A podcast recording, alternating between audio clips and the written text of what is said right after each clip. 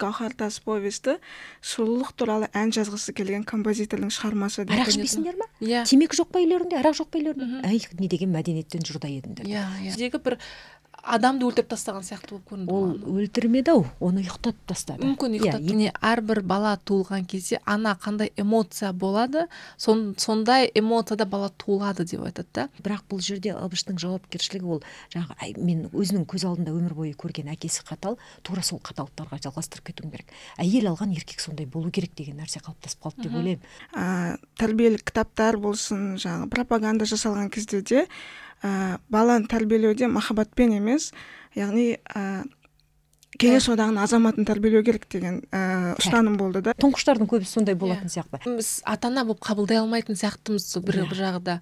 Ананы көрген кезде мен жай ғана машинаның тізгінінде келе жатып жыладым. Неге өйткені мен өзімнің өмірімді сол жаңағы машинадан көрдім? Әкесінің көзқарасы бойынша бұл өмірді таныған сияқты. Тек әкесінің көзқарасымен өмір сүрген не сияқты. Бірақ ана ерте тұруды үйреніп алсыншы адам. Әйел адам қыз баласы көтенін көтеруді үйренген кезде ол үлкен сенімділік пайда болады.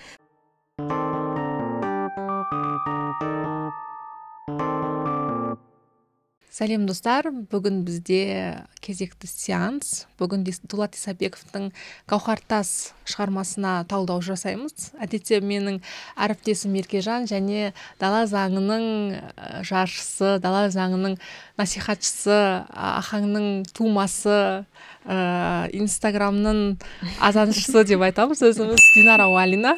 Келгеніңізге көп рахмет қош келдіңіз. Ә, яғни бүгін бізде ә, гауһартас шығармасын талдау. Ә, басында ә, бұл шығармада бірден айтып кете берейік иә, иә, иә. не бойынша желісі оқиға желісі бойынша қайыркен інісі өзінің ағасы туралы әңгіме айтады yeah. яғни оның мінезі әкесіне тартқан ол деген ә, әкемнен аумай қалған оның мінезі осындай кішкене ә, жайбарақат көп нәрсені былай тез істеп кете бермейді бірақ оның мінезінде өте үлкен қаталдық бар деп айтады. Яғни ә, осы сөздердің екеуін салыстырады ғой. Яғни өзін салыстырады және ыбышты салыстырады.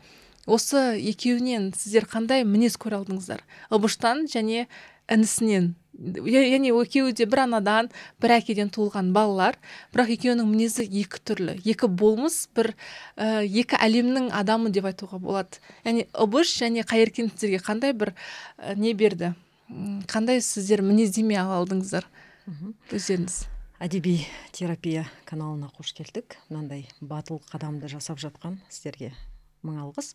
Жалпы енді кітап оқу деген дүние ол керемет дүние ғой. Осы подкастқа шақырғалы бері менің өзімнің ішкі әлемімде жанымда өте күшті тербелістер пайда болды. Өйткені бұл кітапты осы гауһартас кітабын махаббаттың не екенін білмеген кезде оқыған болатынмын ал енді қазір ақыл тоқтатқан ес жиған махаббаттың не екенін біле, білетін адам ретінде оқыған кезде мен сонау балалық шағыма оралып сол ыбыш жайлы айтылған дүниені басқа қырынан таныдым yeah. Иә. сол қайыркеннің айтқан әңгімесін тіпті мен бұрын бұл кітапты оқыған кезде бір рет жыласам осы бір аптаның ішінде бірнеше рет жыладым ә, қазір енді жаңа өздеріңіз айтады ерте тұру деп айтып жатырсыздар ғой мынау көп нәрсені басқа жағынан түсінеміз ғой мен жалпы осы екі әлемі екі түрлі болса да болмысы екі түрлі адамдар бірақ бір әке бір шешеден туған иә ыбыштың қаталдылығы бірақ оны сыртынан қарап тіпті жары салтанаттың өзі.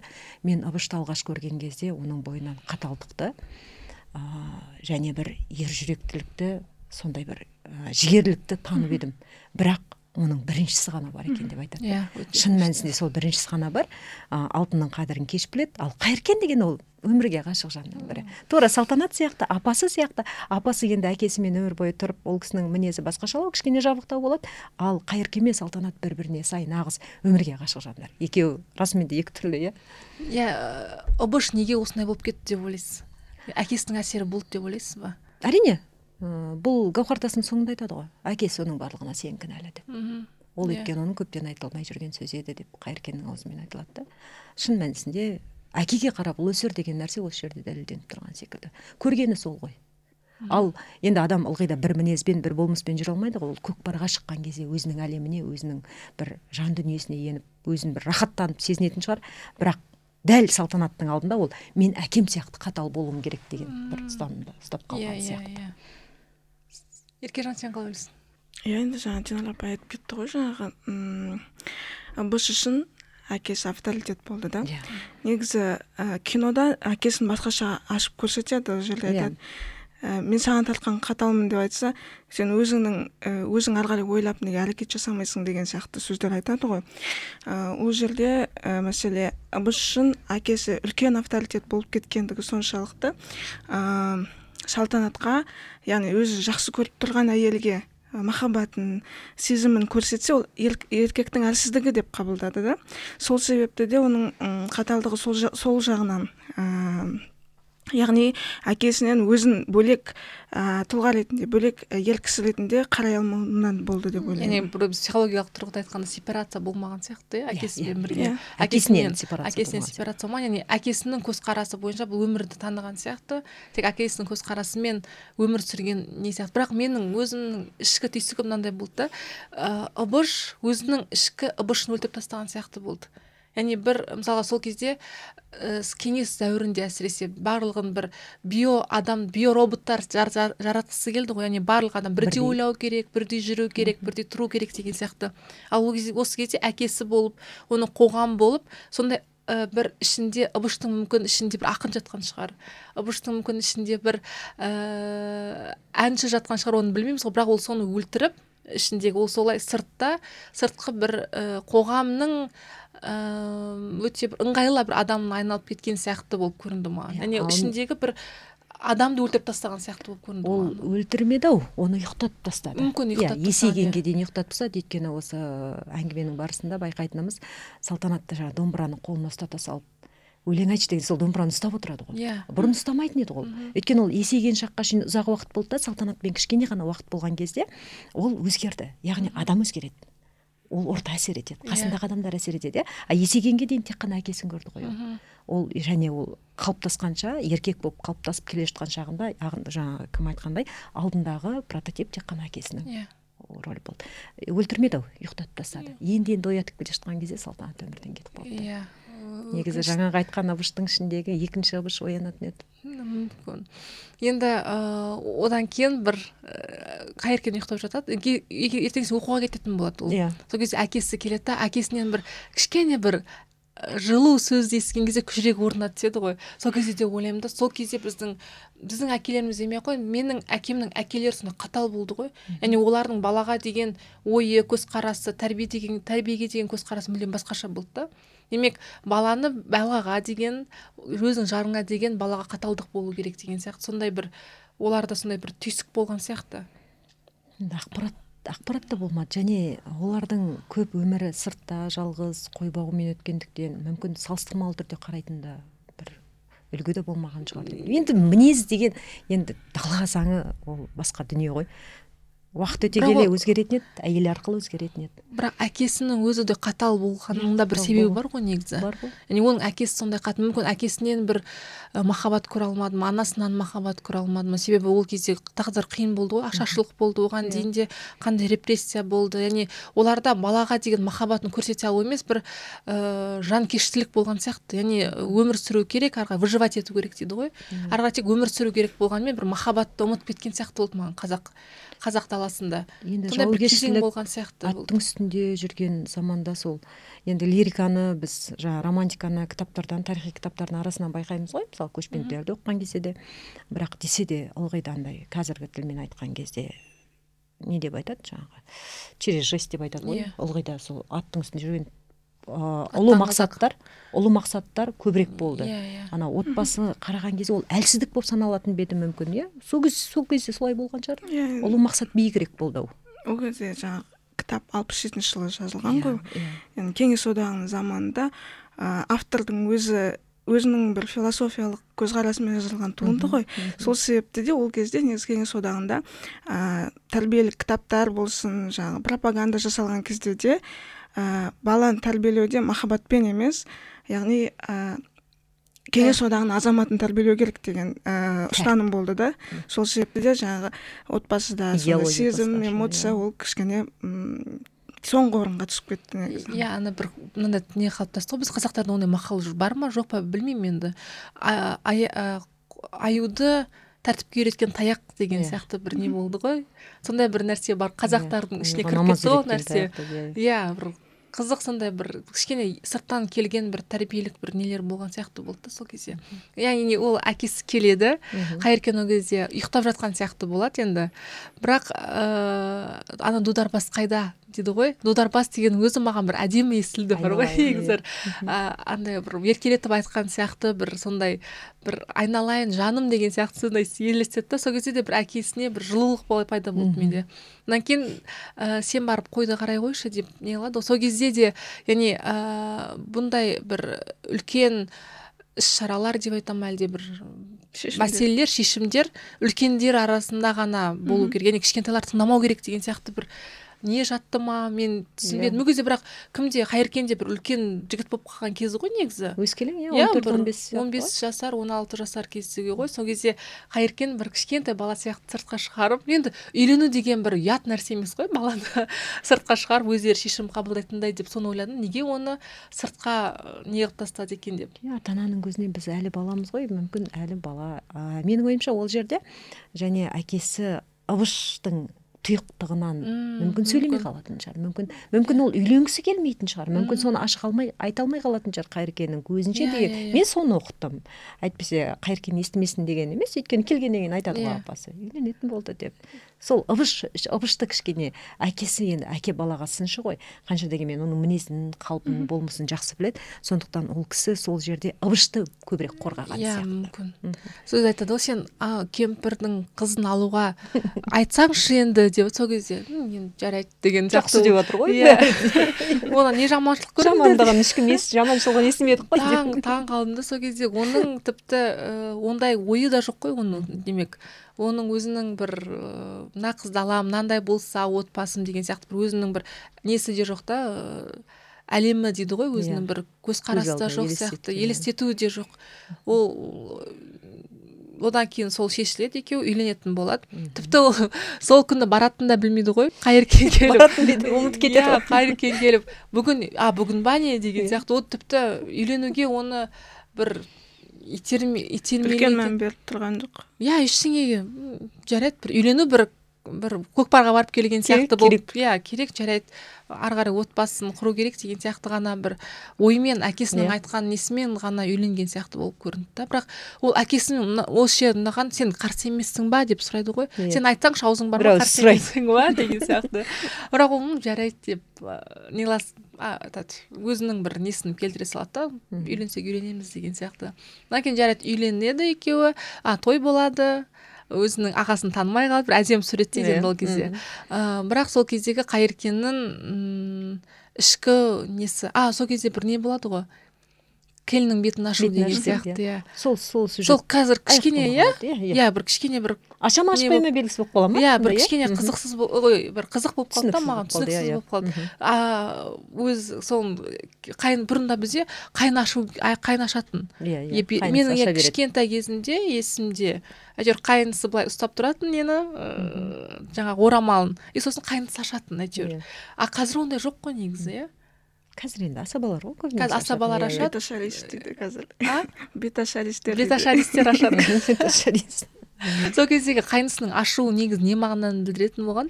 Жоқ мағынаны білдіретінін білмеймін бірақ сол жерде айтады ғой мыналардың барлығы кібіртіктеп жаңағы ыыы баса алмай тұр. Сол үшін айтатын адам жоқ. Мгм. өзің айтшы деп ауылдың әйелдері сөйтіп айтып жатады Иә. ғой. Сенің өлең шығаратының бар еді ғой. Енді ол жерде беташартты көрінген даладағы адам қашқызбаған ғой. Иә екі ауыз сөздің басын қосып сөйлей алатын әркімге сәлем салғыза алатын сол келінге бір нәрсе айта алатын адамдарға ашқызған Иә. сол бүкіл жігіттердің ішінен енді жас жігітке ашқызған ғой. Жас жігіттердің ішінен сол ауылдың жігіттерінің ішінен қайыркенді таңдалуының себебі ол туралы адамдар білген. Өлең айтатын өлең шығаратын естіген. Енді жеңгелер ғой оны айтып жатырған. Сондықтан бұл жерде өзі сөз сөйлей алатын адамға ашқызады ау деп ойлаймын. Тағы да айтады ғой комсомольская свадьба сияқты жасамадыңдар ма Иә, деген. иә, иә. сол кездің өзінде біздің қазақтардың кішкене ойының кішкене өзгере бастауы біздің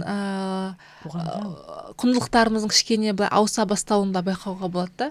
Яғни сендердікі ескілік қоя беріңдер біз енді жаңа бір комсомольская свадьба жасаймыз деген сияқты жастардың да арасында бір идеологияның еніп кеткен иә енді келе белең алып еніп кеткен дәстүріміз салтымызды ысырып жатқандығының бір белгісін енді нақты көрсетеді бұл жерде автор өте күшті көрсеткен. Иә бір андай оны бір жамандау емес бірақ сонда да былай келтіріп айтамын Иә, қорқытты ғой кезде. тіпті енді кішкене алға қарай жүретін болсақ жаңағы анау кім еді? ауылға келіп құдыққа мотор орнатып Иә, шалғанда иә, айтады ғой. Иә, арақ көрдім. ішпейсіңдер ма иә. Темекі жоқ па үйлеріңде арақ жоқ па үйлеріңде әй не деген мәдениеттен жұрда едіңдер. Иә иә. Сонда біздің қоғамымызға біздің халқымыздың ішіне жаман әдеттердің өзін мәдениет деген атпен бүркеп әкелмекші болғандар қазіргі біздің қасіретін тартып отқан дүниенің қалай әдемі кіргенін байқауға болады. Әдемі кірді ол.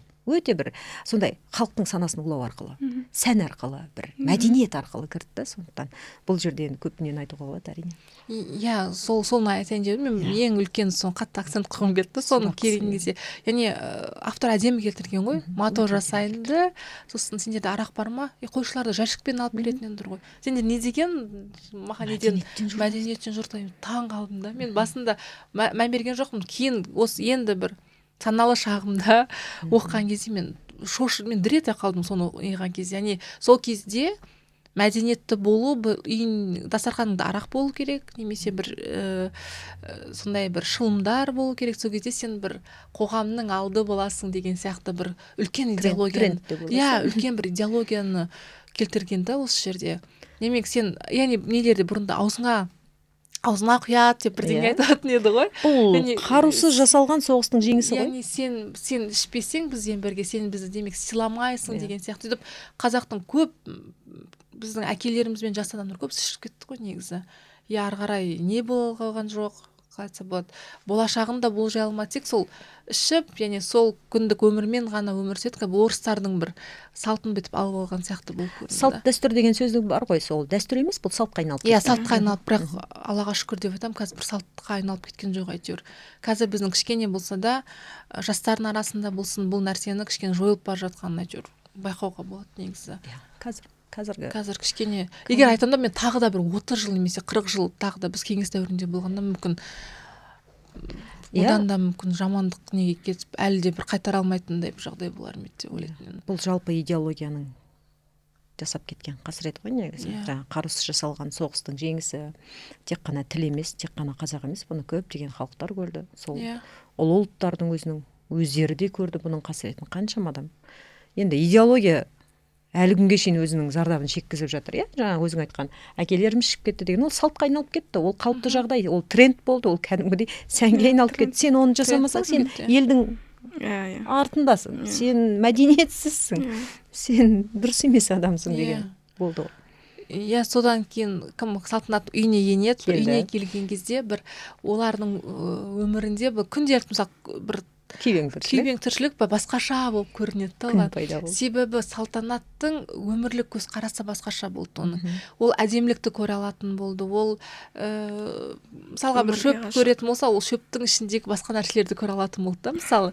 Яғни сол үйге бір рең келтірген сияқты оның анасы да бақытты болды. Иә. Қайыркенің өзі бақытты атасының өзі де жұмсарды деп айтады ғой салтанат келгелі бірақ ыбыш неге ііі ыбышта кішкене өзгеріс негізі пайда болған сияқты. Енді сонша жыл сондай бір қатал болып келіп бірден енді Өзгеріп кете алмайды ғой. Бірақ сонда да бір ыбышқа да бір кішкене бір көлеңке бер көлеңкеге бір сәуле түскен сияқты бір әрине. не болған сияқты болып көрінді. Әрине берді ғой бірақ бұл жерде ыбыштың жауапкершілігі ол жаңағы мен өзінің көз алдында өмір бойы көрген әкесі қатал тура сол қаталдықтарға жалғастырып кетуім керек. Әйел алған еркек сондай болу керек деген нәрсе қалыптасып қалды деп ойлаймын. Сонымен соны ары қарай алып кетті да әрине ол кейін түсінді жаңағы моланың басында отырған кезі барлығы барлығы өте аянышты сол нәрсе ғана ыбыштың қаншалықты өзгергенін суреттеп береді ғой. Бірақ басында иә өте қатты қатал. Тіпті салтанат ұрсып жүретіні ұрып жібергені иә. жаңағы ұрып жібергеннен кейін салтанат ашуланып ызаланып жаңағы кішкене ренжіп жүрген кезде жаңағы қой айдауға жібере қой іздеуге жібере салатыны. Содан бүкіл пәле сол қой іздеп барып моланың ішіне жатқаннан Иә. басталады ғой. Иә алдына кет айтасың ба? А айтып кетейін дегенім жаңағы ә, осы повесть жазған кезде дулат исабеков айтады да салтанаттың атын мен бірден бірден қойдым дейді. Өйткені мен сол өзі күшті сипаттайды ә, бұл гауһартас повесті сұлулық туралы ән жазғысы келген композитордың шығармасы деп өзі солай сипаттама берген да ә, яғни сұлулық туралы махаббат туралы өмірге құштарлық туралы бірден салтанат болу керек оның аты деп бірден қойдым дейді. Ал ыбышты сол сұлулықты көре алмайтын сезім бере алмайтын адамның образы ретінде алдым деп көрсетеді да. Автор тұрғысынан алып қараған кездегі айтып жатқаным ғой. Ә, және де ә, бірақ сонда да ыбыш өзгерген жоқ деген ә, нәрсе мен ойлаймын. Жаңағы м, отбасы туралы отбасы деген түсінік туралы ә, сауатсыздығы деп абаштың өйткені қа- қазірде де бар ғой ол ә, үйлену керек деп қосылады Әйтеуір қыз үйлену іздеп жүрмін үйлену керек деп. Ә, осы повестьте де солай да ата анасы айтты үйленбейсің ба? деп.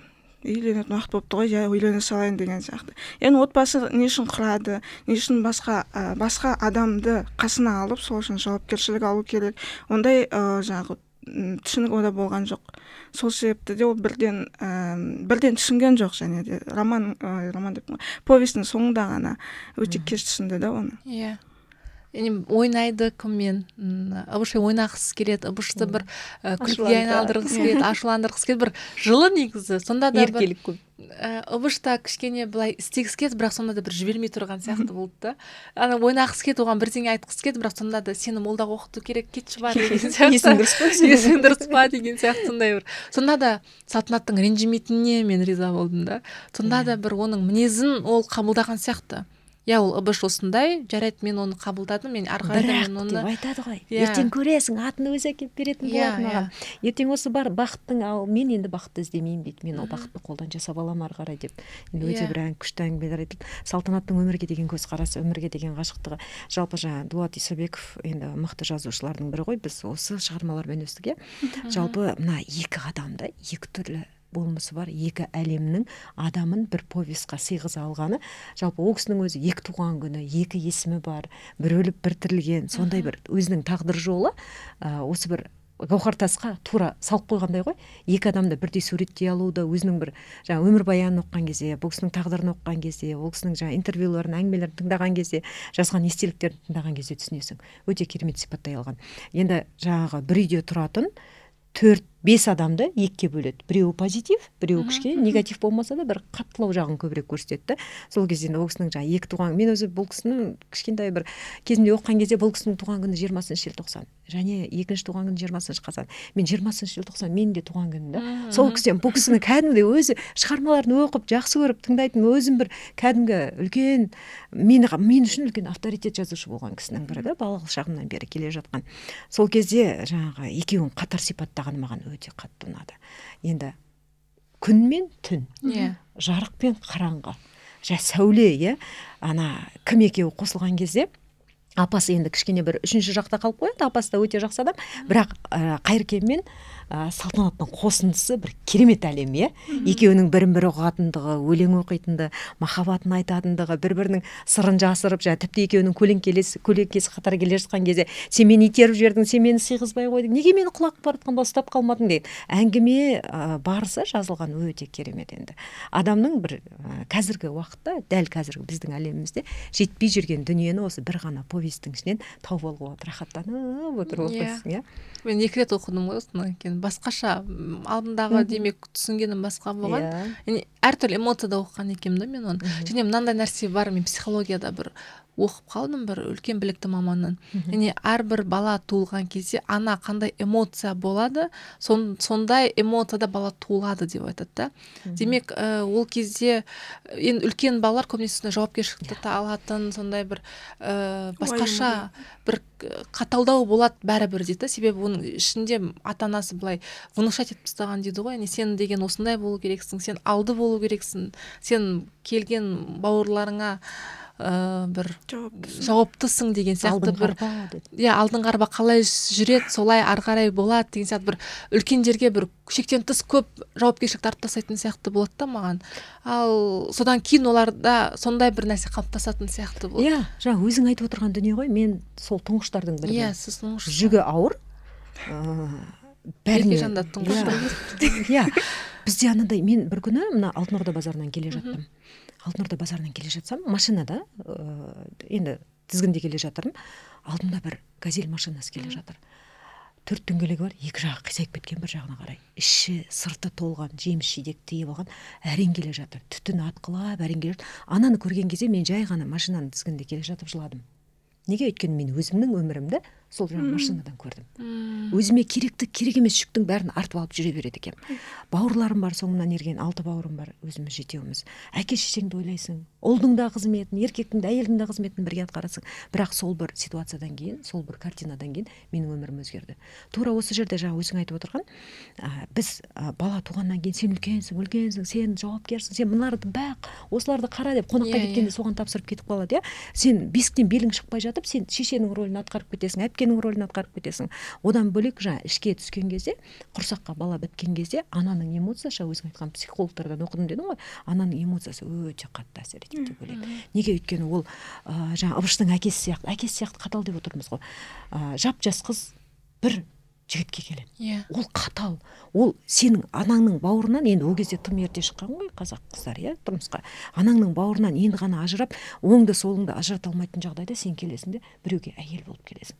Ол еркек саған құшағын ашып жаным күнім деп еркелетсе жақсы ғой. Еркелетпей жаңағындай өзінің махаббатын да білдіре алмай бір ілтипатын білдіре алмай мейірімін көрсете алмай ә, тек қана түнде төсекте жылулығын көрсетіп ал күндіз қабағын түйіп жүретін болса ол қаншалықты қиын. Ал ол кезде сенің құрсағыңа бала бітсе сенің бүкіл эмоцияң әрине соған беріледі. Сондықтан бұл жерде ыбыш кішкене мына жертва деген нәрсені қалай айтушы едік? Құрбан? зардап шегуші. Құрбан рет бала ретінде де. Тұңғыштардың көбісі сондай болатын Иә. сияқты. Әзірге ана махаббат оянғанша бала пайда болғаннан кейін еркектің да жүрегі кеңейеді Иә. жібиді мейірім оянады. Тура ол жағдайға жеткенше бірақ ол бірінші бала бәрібір. Сол махаббат сол мейірімсіз өмірге келгендіктен де сондай болады ғой иә кішкене ана анасының әйелдің өзі де былай бүйтіп жүреді ғой. Ана Иә, отбасыға иә. сіңіп кету керек ана отбасымен бір не болып кету үшін де үлкен стресс қой негізі адамға.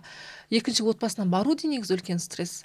Сондай Ата-ананың немен өткен кезде үлкен бала бір кішкене шынымен бір құрбан болып Иә, кететін сияқты. Үлкен балалар көп мындай өздеріне қатталып қояды да сонымен сол жүкпен жүретін сияқты иә өмірде соны сезінгенше жүрдік қой. Мен де мысалы отыз бес қырық жасқа шейін солай жүрдім.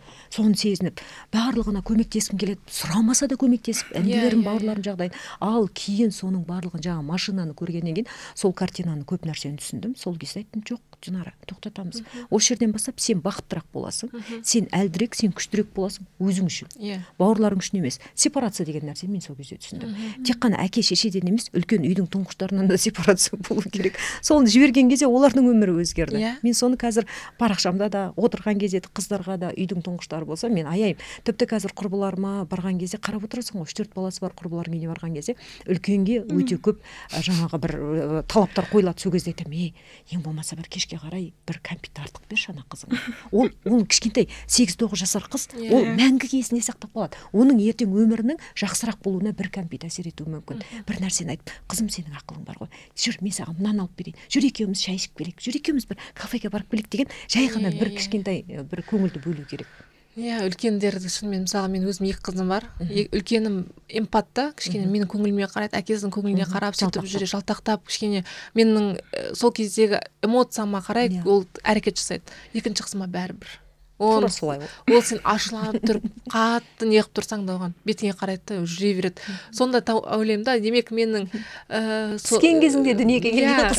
үлкен үлкен қызымда демек мен әлі де сондай бір жалтақ жалтақ етіп ана енеңнің бір жалтақ етіп күйеуіңе бір жалтақтап жүрген кезде туылған бала. Демек эмоция сондай болды да. Ал екіншісіне кішкене болса уже ә, былай бәсеңдей бастаған кезім. Иә. а екінші қызымның эмоциямды көремін сол кездегі демек мен маған бәрібір болатын сол кезде. Ну бала неғылған кезде мен жұмыспен жүрдім көбінесе. Өзіммен өзім жүрдім да. Екінші қызым да сондай. Оған өзіне комфорт болса болды. Жүре береді үлкен қызым да кішкене жалтақтау енді соны. Піскен үйренген махаббатын бермесе де тартып алуды үйренген ананың баласы ғой. Иә, иә. ыбыш солай ғой енді. Өзіміз қазір Иә. соған келіп тұрмыз ғой. Иә соны айттым да Иә. сол кезде де ойладым да мен ек- екі бала ата ана болып қабылдай алмайтын сияқтымыз сол бір Иә. бір жағда яғни ә, әр мысалға бес бала бес түрлі деп айтады ғой бес саусақ бірдей емес деп. Сонда да біз баланың болмысын қабылдай алмайтын сияқтымыз. Яғни әкесі де сөйтеді ғой сен ана бір әңгімесінде бар ғой сен біреуің тек қана көкпарды ғана ойлайтын бір сылдырсың екіншісің ә, тек ашумен мініп өзімнің болмысын өзім тек қана өзім болсын деп айтатын деп. екеуі былайша екі түрлі адам. Сонда да соны әкесі қабылдамай тұрды не ол иә осындай алланың берген бір мінез осындай деген сияқты. Қабылдамай тек қана менің ойлаған балам болса деген сияқты. Да бар емес па қазақта жалпы кең таралған бір дүние деп ойлаймын. Жақсы болса маған тартқан жаман болса нағашысына тартқан. Иә, иә. шешесіне тартқан деп. Бар сондай иә. А содан кейін ыыы кімнің агрессивті болғанын да мен соны көремін да бұрыштың агрессивті болған яғни ол өзіндегі ішкі нәрсесін ұйықтатып тастады да іш- өзінің ішкі бір ііі былай айтқанда айтады ғой бір ііі келеңсіздіктер дей ма әлде екі а, бір альтер эго жүреді дейді ғой ішінде екеуі бір соғысып жатады да. Ал сол соғысының не істерін білмегеннен агрессияны көрсететін сияқты болып көрінді да. Кімнен ә, салтанаттың сондай бір ыыы әдемі болып сондай бір өмірге құштарлығын ол көре алмайтын сияқты болды маған. Қалай айтса болады. Соны сезіне алмайтын сияқты. Не неге мен сезіне алмаймын деген сияқты ішкі агрессиясы болды ма әлде?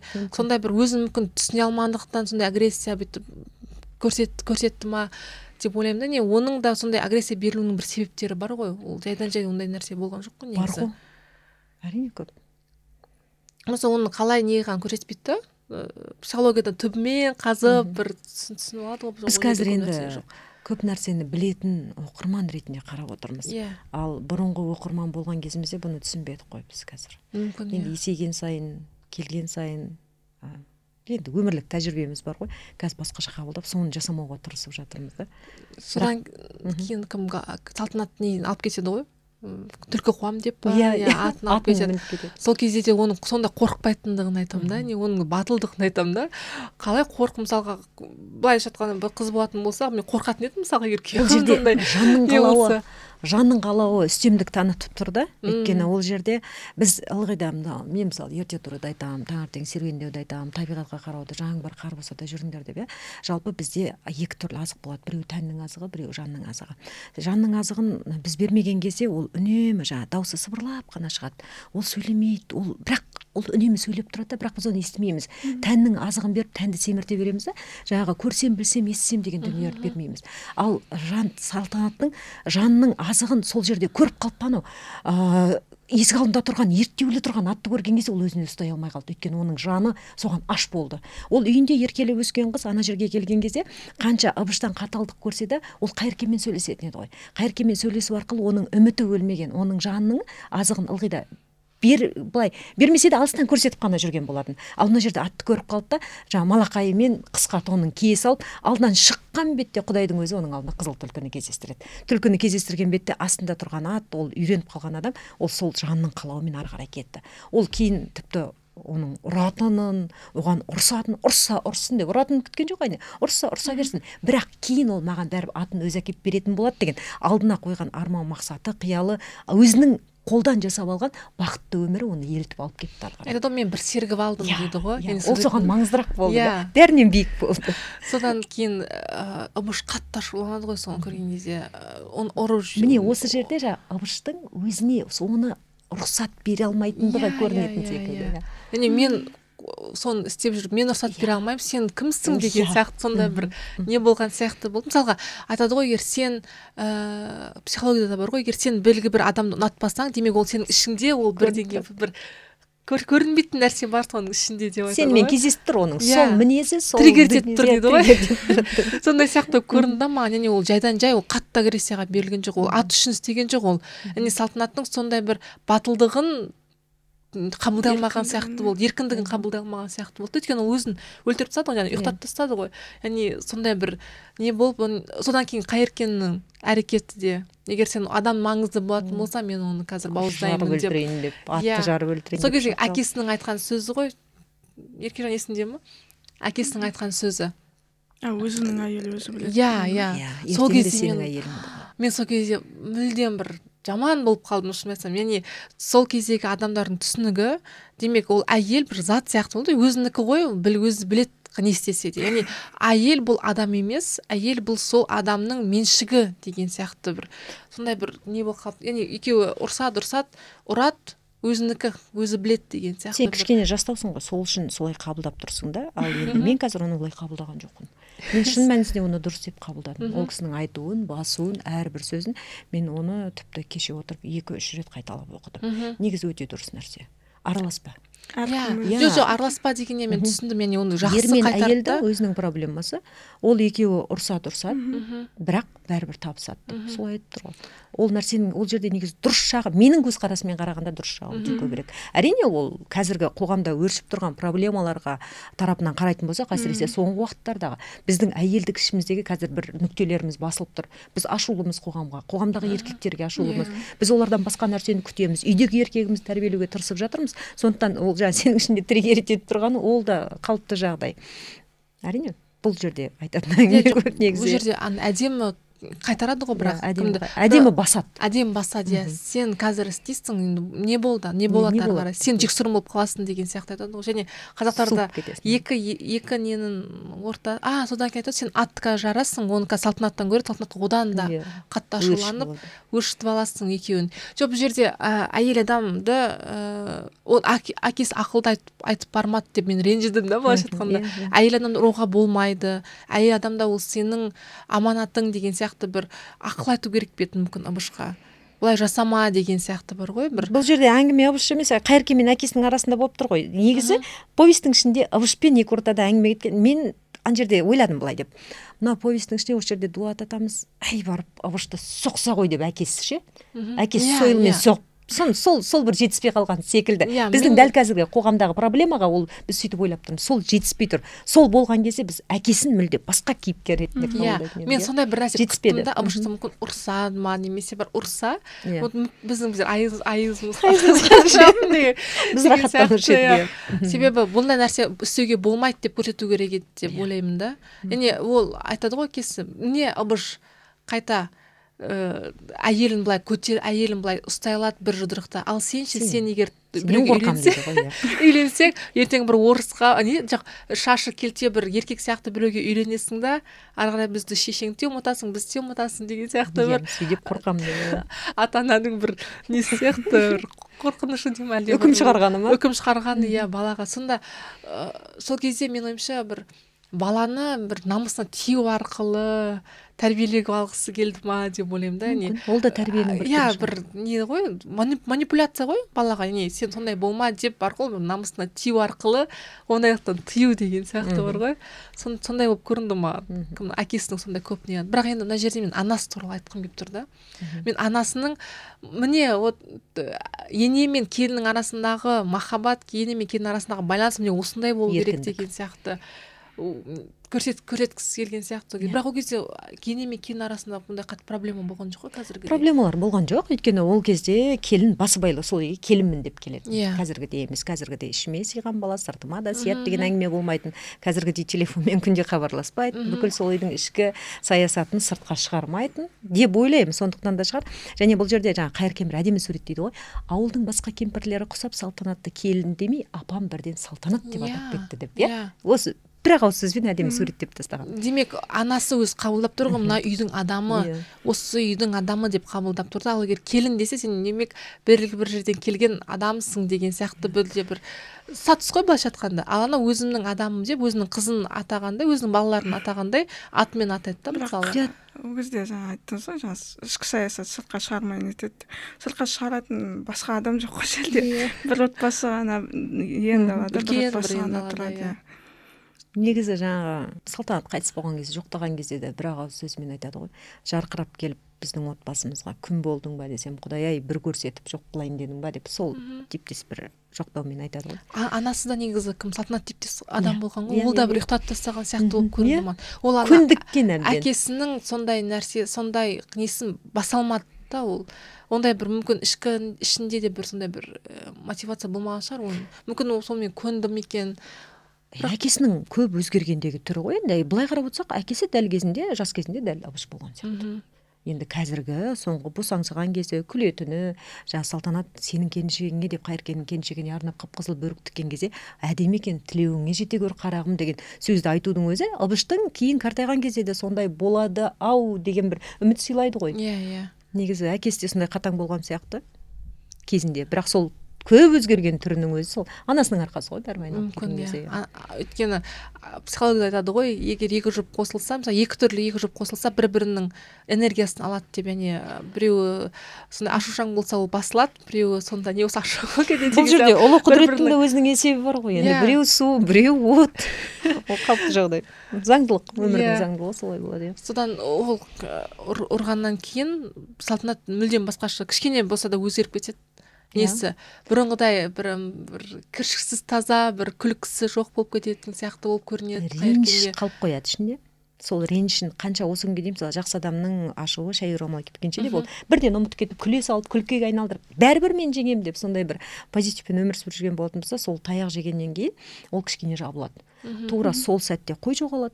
Қой Иә. жоғалған бетте сол анау барып келіп айғайлайды не істеп отырсың дым бітірмей. Сен де барып бір жағынан қарасаңшы деген кезде да шығып кетеді ерегісіп шығып кетеді. Ол соны қайыркен түсіп соңынан іздеп барған кезде ол әрине баратын жері жоқ қайта сол моланың ішіне кіріп соның ішіне енді Ұйықтап кетеді.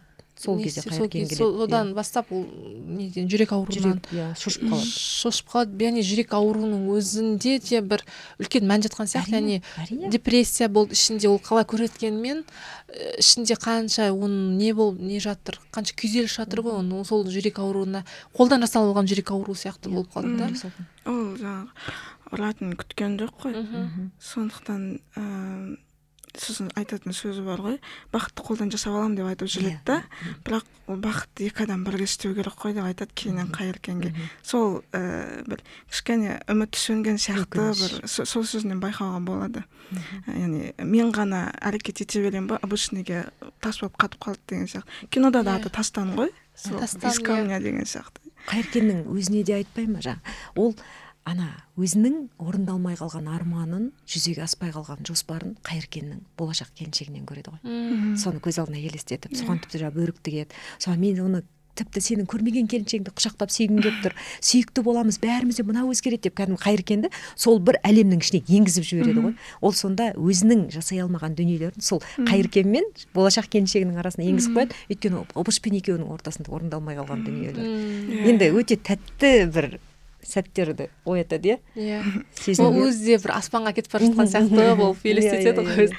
қалай тамақ жеп қойғанын білмей қалып сондай бір көжені тауысып Иә, қойғанын білмей қалады сондай иә. бір эмоция да болады Иә. ғой сосын кімге ыбыш екеуі домбырасын тартқан кезде бәрі күледі ғой сол Иә, кезде. иә. апасы да күледі Иә. өзі де күледі.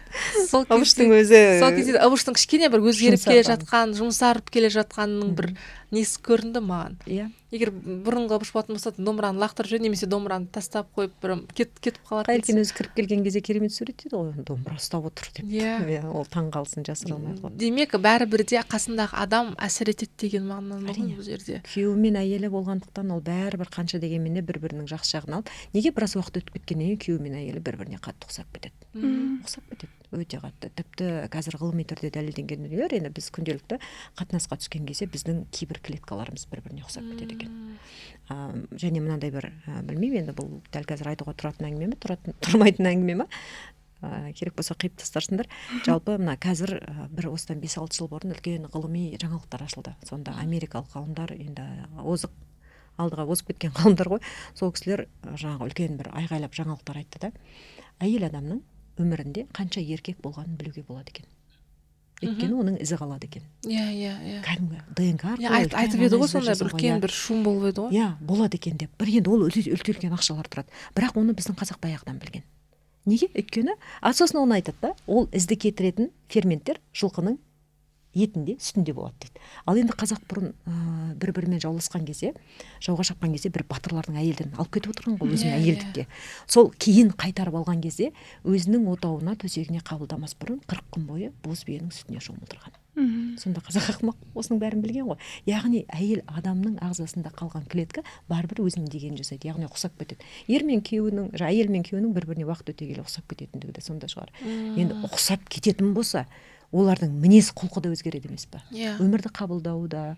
Өзі екі қошқардың басы бір қазанға сыймайды дейді бірақ біз бұл жерде жаңағы біреу әйелі еркін болса күйеуі кішкене жабықтау. Не болмаса әйелі тұйықтау болса күйеуі ашықтау. Өзі кез келген адам екі түрлі ғой отбасын алып қарасаң менің отбасымда солай жолдасым өте сабырлы көп сөйлемейді сырт көзге қарасаң сендердің араларыңда махаббат бар ма романтика бар ма деп айтады. Бірақ ол жаны өте нәзік өте романтик сондай бір өте андай ә, сенің түйілген қабағыңды байқап қоятын сенің жаныңды түсінетін өте бір басқа әлем. Екеуміз қатты ұқсаймыз. Көзқарастарымыз екі түрлі тыңдайтын музыкамыз екі түрлі оқитын кітаптарымыз екі түрлі. Бірақ екеуміз қазір уақыт өте келе өте қатты ұқсап бара жатырмыз. Бірақ екеуіңіз негізі екі түрлі болғансыздар ол кісі ол кісі өзгерді ма әлде сіз өзгердіңіз ба екеуміз қазір ұқсас тұстарымыз өте көп. Түйіскен тұстарымыз өте көп. Қазір екеуміз екі түрлі әлі де екі түрлі әлембіз. Бірақ екеуміз бір біріміздің жанымызды түсінеміз. Өзгеріс деген осы жерде болады қызық иә? Иә. бір негізі былай қара өте қызық. А орыста айтады ғой муж и жена одна сатана. Сөйтіп.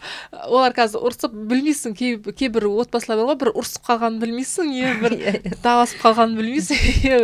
Бір қыз қызық әркімнің өзінің конституциясы әркімнің өзінің әлемі әркімнің өзінің бір көрсетіп жүрген отбасылық моделі болады қалыптасады өзі уақыт өте келе. Жылдар өткен сайын тіпті ештеңе сөйлемей ақ қабақпен иә. бересің өзімнің ата анамыздан да байқаймыз ғой Иә, мысалға. Иә. екеуінің қазір ашуланып тұрғанын да білмейсің. Екеуі бір бірін түсініп жатады бұл бұл нәрсе қазір не бұл жылдар өте келе пайда болатын нәрсе деп айтады да не бұған жету үшін де әлі талай бір неше түрлі бір соғыс майдандардан өту керек деп. Содан ыыы қайтадан неге келсек? Алпысқа келейікші. Сондай бір үлкен не со- содан кейін өте сол бәленің бәрі содан басталады ғой Иә. одан кейін де бір күйзеліске ұшырайды салтанат қа- қабағы ондай қатты жадырамайтын болады бұрынғыдай күлмейтін болады бірақ көтеріп қояды ғой екі қабат болып қояды ғой иә. содан кейін ауырып жатып иә ауырып ауырып жатқанда ауырып жатқан сұрақ толғақ қояйыншы сізге маған қызық болып кетті бағана айтқан сөзіңіз бар гауһартасты бұрын оқығанда басқаша қазір махаббаттың не екенін түсініп барып оқыған басқаша дедіңіз ғой ііі ауырып жатқан кезде қайыркен сұрайды ғой сен менің ағамды сүймейсің ғой иә деп сонда салтанат айтады сүйемін әрине дейді да ал ііі жаңағы мүмкін кітабын оқымай киносын ғана көрген адамдар үшін ыыы қайыркен мен салтанаттың арасында махаббат бар сияқты болып көрінеді. Сонда махаббат деген не нәрсе негізі? Махаббат дегеннің негізі енді қаншама бір анықтамасын айтып кетті ғой махаббат деген ең бірінші түсіністік. Адам мен адам жан ана ә, кім айтып еді? Әбіш кекілбаев атамыз ба екен біреу айтып кетті ғой. Махаббат дегеніміз сана биігінде тоғысу. Иә Мұх- мұхтар шаханов. Мұхтар шаханов сана биігінде тоғысу деп. Сана биігі дегеніміз өзі түсінікке келіп тіреледі ғой. Ойдың бір жерден шығуы ол тек қана айтылатын сөздер бір жасалатын сыйлықтар емес ол сенің жаныңды түсініп сенің қалауыңды ә, өзіңнің қалауыңды сенің қалауыңды орындап бермесе де сенің қалауыңды түсініп соған кедергі жасамау деп ойлаймын. Жалпы. Адамның қанатын қайырмау. Иә. Сол махаббаттың ең ұлысы солай деп ойлаймын. Әйтпесе жай ғана жаңағы көркем тілде айтылатын болмаса бір ә, инстаграмға салатын әрекеттермен көрінетін махаббат емес. Жаңағы салтанат ең соңында кітаптың соңында айтады иә? Қайыркеннің жаңағы суреттеуі бойынша бұл қабірдің астында ыбыштың адал жары жатыр. Бұл қабірдің астында айтылмаған ешқашан білдірілмеген менің махаббатым жатыр дейді. Өйткені екеуінің санасы бір жерде тиісті ғой. Ыбыштікі да сондай шығар жаңағы ұйықтап қалған санасы бар ғой ұйықтап қалған түсінігі өзінің ұйықтап қалған әлемі бар иә. Бірақ бұл жерде көрсетілмеді ол. Ал қайыркендікі көрсетіліп тұр еді соны. Қайыркеннің тарапынан айтылады ғой. Ал енді кітап былай суреттеліп келе жатқан кезде кейіпкерлердің оқиғасы жаңағы ішіне еніп оқып отырған кезде екеуінің арасынан қыз бен жігіттің махаббатын көресің иә? Иә. Кәдімгідей иә көрінеді. Иә иә Мгм. екеуінің еркелегені Иә, екеуінің иә, бір иә. бірін не істегені бір ә, іздеп келетіні сағынатыны Иә. сыйла- сыйлайтыны. Бір қайны мен жеңге емес бір былай бозбаладағы Иә. бір махаббат сияқты болып бір тілде сөйлей алды ғой екеуі. Иә соны сол кезде түсін- түсінік бол не бір қызық түсінік қалыптасады ғой сол кезде. Әттеген ай қайыркеннің әйелі болғанда ғой деп иә иә. Салтанат шын бақытты болар еді деп ойлаймын. Бірақ мүмкін ондай болса гауһартас шықпас па еді иә әрине ол жерде негізгі мақсат басқа ғой. Және менде мынандай ой болды. Ең соңында айтады жаңағы салтанат армандап отырады ғой иә.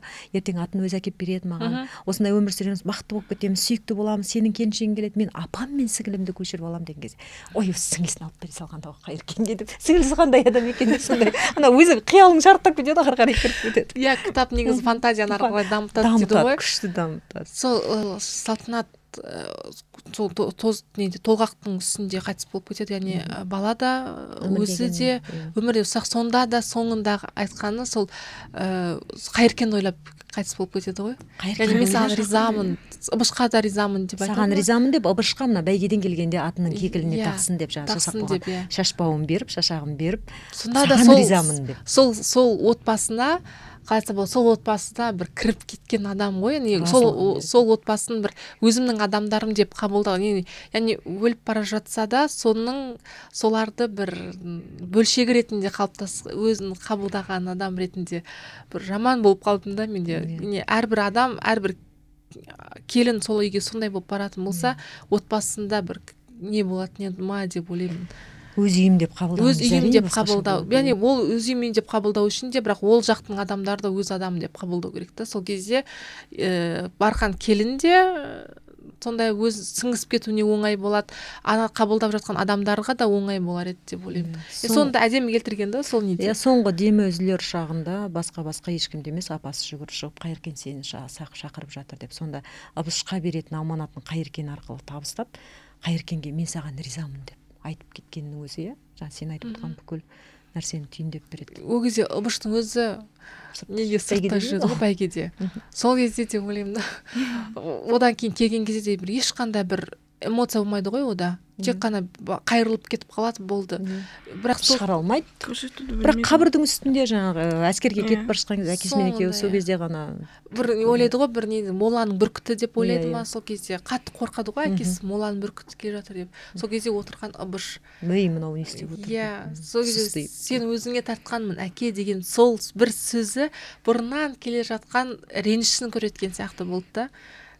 Кімнің ыбыштың. Яғни мен сенің кесіріңнен яғни сенің осылай үйреткеннен мен осындай болдым деп. Бір кінәлау да жатыр Иә. ішінде наз да жатыр мұң да жатыр. барды бағалай алмадың ау сен де соның бірі болдың ау деген кезде мен өзіңе тартқанмын әке деп иә. Иә? Өте керемет. Ә, жалпы осы кітапты оқыған кезде жаңа айттым ғой мен осы соңғы аптаның ішінде қайтадан әдейі қағаз кітапты алып алдым.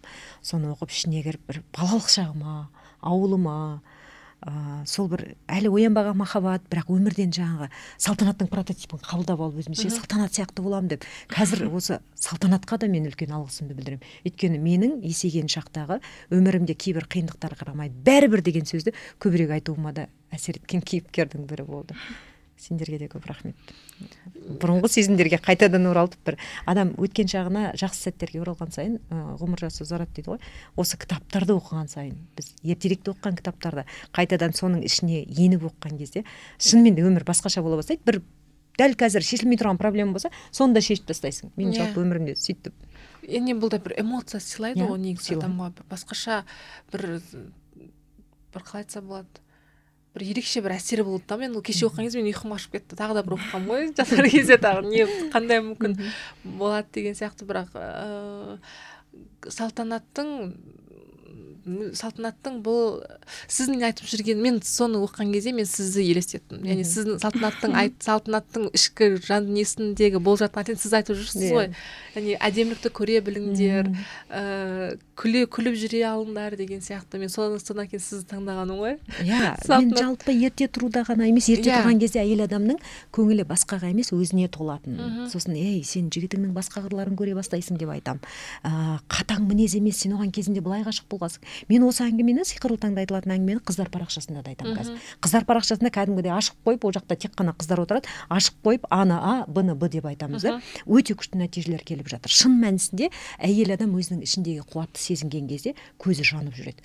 Көзі жанып жүрген өзіне көңілі толып жүрген махаббатқа толып жүрген мейлі ол күйеуінен дәл қазір сол махаббатты ала алмаса да өзінің ішіндегі өліп қалған ұйықтап бара жатқан махаббатты оятқан сайын ол ертең күйеуіне де соның барлығын бере алады. Бала шағасына да айналасына бере алады. Біз өмірді өзгерте аламыз. Өйткені құдай бізді әйел адамды ерекше бір күшпен ерекше бір ішімізге сырды да барлығын салып берген ғой. Біз нәзік әлембіз. Нәзік бола тұрып біз өте мықтымыз.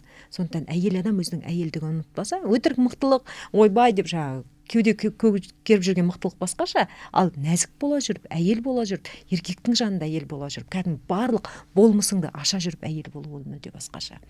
Әйелдің өзіне көңілі толу керек а. Көңілі толу сол құдайдың заңдылықтарын орындаудан басталады ғой. Уақытымен ұйықтау уақытымен тұру мен жалпы қазір өзіме осы әйел әлемінің әдемілігін дәлелдеу арқылы көптеген өзгерістерге қол жеткіздім. Мен соны ғана насихаттап жүрмін. Енді сіздің ойыңызша салтанат не істеу керек еді? Салтанат. Салтанат. Яғни мысалы ыбш бар ыбш бар келіншектерге. Салтанат айтады ғой. келіншектерге. Ой ғой бұл жерде. Менің бір түсінгенім. Ол жаңағы қайыркенге бір айтып отқан әңгімесінде айтады да мен ұзақ өмір сүретін сияқтымын бірақ кейде қарасам өмірім қысқа болатын сияқты. Бірақ екіншісі дұрыс ау дейді. Ол өзінің таңдауы. Ол оны таңдап қойды өмірінің қысқа болатынын иә. Таңдау еркіндігі кез келген адамға беріледі. Тағдырдың ұзақтығы құдайдың қолымен жазылады. Бірақ таңдау еркіндігі әрқашан менің миымдағы ойлар менің жаңағы тіпті қазір ғылыми түрде дәлелденген нәрсе адам өлуге уақыты болмайтындай өмір сүру керек. Алдына қойған мақсаты жылдарға емес биыл бес жыл екі жыл емес он он бес жылдарға шейін. Мен жетпіс жасымда мынандай мен сексен жасымда тоқсан жасымда деп. Менің мысалы тоқсан жасымдағы динараның планы бар. Тоқсан жастағы туған күнін тойлап отқан динараның жоспары бар мен құдайдан соны солай мақсатымды жазу арқылы елестету арқылы сұраймын. Мен құдай ұзақ ғұмыр бер ұзақ ғұмыр бер деп сұраған жоқпын. Енді ары қарай көрерміз бірақ бұл жерде дулат исабеков өте күшті көрсеткен салтанаттың таңдауын. Yeah. Иә. бірақ менің өмірім қысқа болатын секілді деп. Яғни әр адамның өзінің өмір сүруін барлығын алла тағала таңдап бергізіп қойған ғой негізі. Сол үшін бүкіл тіршілік иелерінің ішінде ең жоғарғы адамды жаратты yeah. емес пе? Санам. таң, таңдау деген өте бір алланың берген бізге бір үлкен нығметі ғой негізі. Қалай неғылсын бірақ салтанатта сондай мен, менің де сондай көзқарас пайда болды. Сол кезде кеше оқыған кезде салтанаттың өзі өмірі сол өлімді тілеп алған сияқты болды. Қысқа болатын секілді деп иә. Иә өзі де бір сондай бір өлімге дайын болған сияқты болып көрінді маған негізі. Жалпы салтанаттар не істеу керек еді деп ойлайсыз? Ойын өзгерту керек пе еді деп ойлайсыз? Салтанаттар енді бұл жерде кітаптың желісі бойынша да айтатын болсақ бүкіл өмір тек қана қарадан тұрмайды. Ыбыш бар жерде қайыркен бар. Мейлі ол сенің туған қайның болмаса да бұл өмірде қазір ақпараттық дамыған заманда салтанаттардың жанында қайыркен деген өте көп.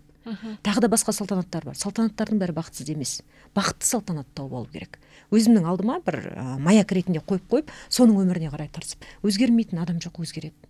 Өзгереді. Кез келген адам. Абай атамыз айтады ғой өзгермейтін адам өзгермейді деген адамның тілін едім деп өзгереді адам кез келген адам. Оған өзіңнің қаншалықты жаның ауырып тұрса да жүрегің ауырып тұрса да мен қазір өзім жасайтын енді техника анау мынау деп айтады ғой амал әдістерім әрекеттерім бірі бар. Бір жаман ой келіп қалған кезде түңілген кезде депрессия стресс бір сатқындық көресің. Болады ғой енді өмір болғандықтан. Сондай кезде мен өзіме былай деп көрсетемін. Динара сенің өмірің бір ақ рет сен уайымдауға стресске түсуге депрессияға қайғыруға құқың жоқ. Саған өмір бір рет беріліп тұрған кезде сенің артыңнан ерген қазір қаншама халқың бар өзіңнің отбасың бар өзің барсың сен өзіңді өзің сүю керексің. Сен өзіңнің сүріп жүрген айтып жүрген дүниеңе сүріп жүрген өмірің сәйкес болу керек деп. Өзіме сондай мотивацияны беремін өйткені өмірдің бір ақ рет берілетінін түсіндім. Мен бұл өмірге екінші рет келмеймін қарыз қалған сандыққа салып қойған өмірім жоқ. Yeah. Иә. сондықтан кез келген салтанатқа айтарым қайыркен істеңіздер. Ол сіздің күйеуіңіз болуы міндет емес. Қайыркен арқылы ыбыш та сені жоғалтқаннан кейін өзгерді ғой. Сен жоғалғаннан кімнің несі кетті? Жылады жақсы жағын айтты моланың басында ыбыш отыр. Ешкімнің өмірі жақсы жаққа өзгеріп кеткен жоқ. Сен қардың қалдың қара жердің астында. Бірақ сен тірі болған кезде көп нәрсені одан да көп нәрсені өзгертеді иә. Сондықтан түңілмеу керек. Өзіңе бір жақсы прототипті ұстап алу керек та өзіңе үлгі болатындай соған қарай тырысу керек. Ал тырысқан нәрсеге құдай береді менің оған көзім жеткен иә. Аллаға кішкене бір қадам жасайтын болсаң ол саған он қадам жасайды деп айтады ғой негізі. Иә айтады ғой қадам жасауға әйелдер бір көп сылтау тауып алады да сонымен жылап отыра бергенді жақсы көреді көп көп. Жай ғана ерте тұруды үйреніп алсыншы адам. Әйел адам қыз баласы көтенін көтеруді үйренген кезде ол үлкен сенімділік пайда болады. Біз тілек тілеген кезде тілек тілеуге уақытың бар ма? Ерте тұрмасаң жоқ. Yeah, иә, тілек иә. тілеуге шамаң да жоқ. Ұятың да жібермейді бетің де жібермейді. Ал біз ерте тұрамыз мен үш қырықта оянамын мен далаға шыққан кезде мен тілекті еркелеп жүріп тыңдаймын. Біреудің үйіне мысалы енді келінмін ғой көмектесіп сол үйдің тойын бастан аяқ атқарсам мен ол тойға есігін теуіп кіремін. Тура сол сияқты таңертең ерте тұрған кезде мен кәдімгі есігін теуіп кіріп құдайдың үйінің тілек тілеймін. Ұялмай тілеймін. Мен анау миға сыймайтын тілектердің барлығын тілей беремін. И құдайға шүкір көп тілегім орындалып жатыр. Себебі сіз әрекет жасап жатсыз ғой ол нәрсеге? әрине. Иә. Біз жай ғана өзіміз еш нәрсе жасамаймыз бірақ бір нәрсені күтеміз. Ғажайыптар жоқ бұл өмірде. Бұл өмірде заңдылықтар бар тұрақтылық заңдылығы бар. Тұрақты түрде жасалған әрекеттер міндетті түрде нәтиже береді. Мейлі ол жақсы болсын мейлі ол жаман болсын. Күнделікті ұйықтап өзіңді депрессияға түсіріп стресске түсіп өткенді қайта қайта ойлап бұлыңғыр болашағыңа қарап жүрген кезде біз нағыз осы жағымызды ұмытып кетеміз. Ал осы жақта жасайтын нәрсеміз тек қана әрекет. Әрекет жасаған кезде жақсы әрекеттер жасасақ әдетте мынау жақсы нәтиже беретін әрекеттер олар оңай емес. Олар белгілі бір шыдамдылықты күнделікті тұрақтылықты өзіңді оятуды кәдімгі қинауды талап етеді. Мейлі ол спорт болсын мейлі ерте тұру болсын мейлі зиянды тамақтардан бас тарту болсын барлығы оңай емес. Ал тәтті қазіргі әрекеті өте тәтті ә, дүниелердің нәтижесі өте ауыр. Иә. Ауыр салмақ ауру. Кедейлік депрессия апатия кете береді иә. Бүкіл депрессияның түп тамыры стресстің түп тамыры әйел адамның рак ауруларына шалдығуы. Басқа вариант жоқ. Иә. Ауру болам десең дәл қазір жата бер сол қалпыңда мен бәріне солай деп айтамын ал сау болам десең өмір сүруді кәдімгі толыққанды түсінемін жақсы өмір сүремін десең қазір тұру керек. Иә. Бәрі өзіміздің қолымызда. Біз мынандай нәрсеге үйреніп қалғанбыз ғой тағдыр деп тағдырға. Иә. Құдайға итере саламыз барлығын. әдемі айтады ғой ата ана кінәлі иә. Қоғам кінәлі заман кінәлі күйеуім кінәлі ата енем кінәлі мынау бала шағам кінәлі уақыт жоқ уақыт Иә, қазір иә. тез өтіп жатыр деп. Ең соңында сол құдайға апарып менің тағдырым жазып қойған соны дейміз да болды. Иә, не істеймін енді көнемін деп? бала шағаны мен осы міне төрт бала шағаны тудым болды. Осыларды қарауым керек қой деген сияқты бір ә, Сылтау. сылтау иә. Бір әдемі сылтауды істеп қоямыз да сол балалардың артынан тығылып отыра береміз осы осы күніміз осынымызге шүкір деген сияқты. Иә негізі қызық бірақ ә, ыбыштарға не айтатын едіңіз сіз? Ыбыштарға? иә ыбыштарға да сол ғой формула біреу ақ. Өмірдің бір ақ рет берілетінін түсіну керек.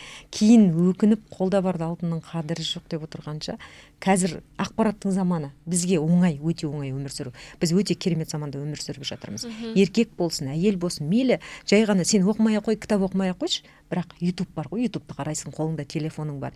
Ютуб арқылы болмаса инстаграмда қысқа қысқа роликтер бар уақыт та талап етпейді. Соның біреуін көкейіңе тоқып жүрсең әйтеуір бір күні өзінің жемісін береді. Біз күнделікті дәнегеміз күнделікті бір жаман дүниені қарағанша одан да бір жақсы нәрсені алып соны бір егіп қойсаң әйтеуір ол өзінің дәнін Иә. бәрібір береді. Өзгеруге деген ниет болу керек. Мен өзгергім келеді деген бір ақ ауыз сөзді айтсаң соның ар жағында қаншама. Мына пазлды құраймыз біз күнделікті өзіміздің ойымызбен ниетімізбен. Бір нәрсеге ниеттеніп қойдың ба сол пазлың ақырын ақырын құрала береді. Мхм өзгермейтін адам болмайды. Содан гауһар тас деп не үшін қойылды бұл шығармаға? Неге гауһар тас гауһар тас енді менің ойым иә? Жалпы кез келген топыраққа батып жатқан тастың ішінде гауһар болуы мүмкін. Мхм бірақ оны егеп қашап жақсы ювелирдің қолына түссе зергердің қолына түссе ол оны тани алатын адамның қолына түссе ол гауһар тасқа айналады. Иә. Танымайтын адам адам сол жерде бірақ теуіп ары қарай кете береді. Иә менде де сол гауһар тас деген біздің тілде айтқанда бриллиант қой негізі. иә. және оны соны өлеңнің деп айтады да бірақ негізгі оның басқа мағынасы бар ғой. Иә. Гауһар тас бұл салтанат қой яғни салтанатты түсінген зергер бұл қайыркен болса оны түсінбей былай лақтыра салған бір ыбыш сияқты болып көрінді Иә. да маған. Себебі ә, бриллиантты түсінетін адамдар бар негізі.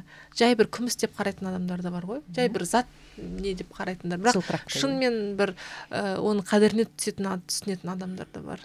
Мен балалық шағымда гауһар тас неге гауһар тас гауһар тас деген не екен деп таба алмағанмын мхм. Түсінбегенмін а осы жолы оқып бастаған кезде бірден қайтадан ей. Гауһар тас деп көбісі ойлайды екен гауһар деген қыз Иә. туралы деп.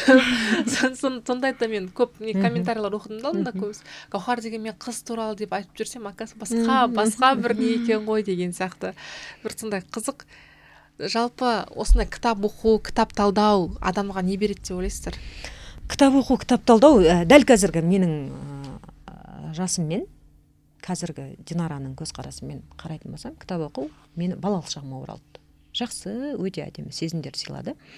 Ал енді негізі кітап оқып өскен мені маған тәрбие берген кітап. Ә, біздің тіпті кішкентай күнімізде бала бала күтімізде кітап ұрлап мен жасөспіріммін үлкен қызым ауылдың библиотекасын есігін құлпын бұзып ашып кітап ұрлап линейкаға барып сол кезде мен енді үйдің үлкен қызымын ғой бара алмадым. Он төрт жастамын ба екенмін сондаймын үйде бүкіл бауырларым жиналып корытамен кәдімгі сиырдың астын тазартатын корытамен кітап тасығанбыз ғой. Сөйтіп таңертең қар жауған қардың үстінде біздің ізіміз қалған. Таңертең айғайдан оянбыз мейрамкүл апай кітапханашқа келіп айғайлап жатыр. Ай! деп. Сөйтіп біздің үйде гүлсая деген сіңілім бар тоқсан үшінші жылғы сол жүгіріп балтаны алып шыққан ғой. Міне міне мына балтамен бұзып ашты! деп. Содан ештеңе білмеймін қазір сағат сегізде линейкада. Линейка болады ғой өзі линейкада болатын болыңдар деп. Содан мен үйдің үлкен қызымын ұялып бармай қалдым. Менен кейінгі сіңілім інім бәрі кетті. Менің сіңілім кішкене бұзықтау сол барған кезде енді линейкада жерден алып жерге салып жеңгелеріміз директор мұғалім бәрі ұрысып жатқан ғой. Сол кезде ауылдың әкімі кіріп келген ғой. Әй естіген ғой. Ал кішкентай ғана ауыл бәрі біледі. Ауылдың әкімі кіріп келіп сонда біздің көше үш үй үш төрт үй болып ұрлағанбыз бәріміз көпбалалы үй. Сонда айтыпты басқа басқа тура осы мұхтардың балалары кітапты отқа жағуға ұрылады дегенге мен сенбеймін. Бұлар қылмыскер емес кітапхананы ашпай отырған сендер қылмыскерсіңдер деп. Сол завучқа да мектептің директорына кітапханашы апай ұрысып сол кезде менің кітапқа деген махаббатымды өлтірмей қайта керісінше өршітіп мен журналист боламын деп қазіргі таңда өзімде оқыған журналист оқымаған оқымаған журналист оқыған экономист деп айтамын ғой. Сол бір кітапқа деген махаббатымды өлтірмеген сол рақымжан деген әкем. Сол кісінің ә, бір берген дүниесі осы. А кітап бізді тәрбиеледі. Менің ә, шешем мен жеті жасқа келгенде ауырып қалды. Әкем енді ол кезде кәдімгі заманның тоқырау кезі. Сол арақ ішті. Бізді былай отырып былай болыңдар былай болыңдар деп тәрбиелеген жоқ. Әкем өте қатаң кәдімгі ұрып соғып бізді өйтіп тәрбиелеген жоқ. Бірақ өзінің болмысымен тамақ ішкен кезде біз әлі күнге шейін әкемнің көзінше сөйлемейміз артық сөз айтпаймыз шуламаймыз. Сондай бір әдемі тәрбие берді. Бірақ тәрбиенің көптігін көпшілігін өмірге деген махаббатты кәдімгі бір арман қиял ғажайыптар деген жақтарын маған кітап берді. Кітапты өте көп оқитынмын. Мен бір жасымда бірінші классқа барғанда жұлдыз деген журнал болатын соны көп оқитынмын. Бала кино мультфильм болмаса балаларға арналған кітап дегенді оқымаппын. Ылғи үлкендерге арналған кітапты оқитынмын. Арман қиялмен сол жақта кететінмін. Негізгі кітап үлкен тәрбие береді. Және өмірді қабылдауыңа бәрібір өзінің әсерін тигізеді. Позитивті кітапты көбірек оқысаң сол позитив жағына кетеді екенсің. Менің қазіргі өмірді жақсы көретін өмірге ғашық ә, қасиеттерім көбісі кітаптардан алынған мен ылғи менің тәрбиешілерім бүкіл қазақтың жазушылары деп айтамын ылғи да иә. Ергежан сізге не берді кітап? Қандай эмоция сыйлады сізге? Дәл осы жалпы кітап соңында иә гауһартас салтанат пен қайыркеннің ыыы образы арқылы автор бізге өмірге деген құштарлықтың кереметтігін жеткізді деп ойлаймын. Жаңа соңында ыбыштың моланың қасында отырып әкесі мен бауырын таңғалдырды. Арқылы ә, ізгіліктің ізсіз кетпейтін яғни қолда барда алтын қадірі жоқ екенін кітап арқылы ә, оқырман ойландырып отыр да мысалы үшін. Ә, сондай бір ә, әдемі әсер берді. Және де бір айта кеткім келеді аргентиналық бір жазушы бар борхес деген. Сол кісінің сөзі бар.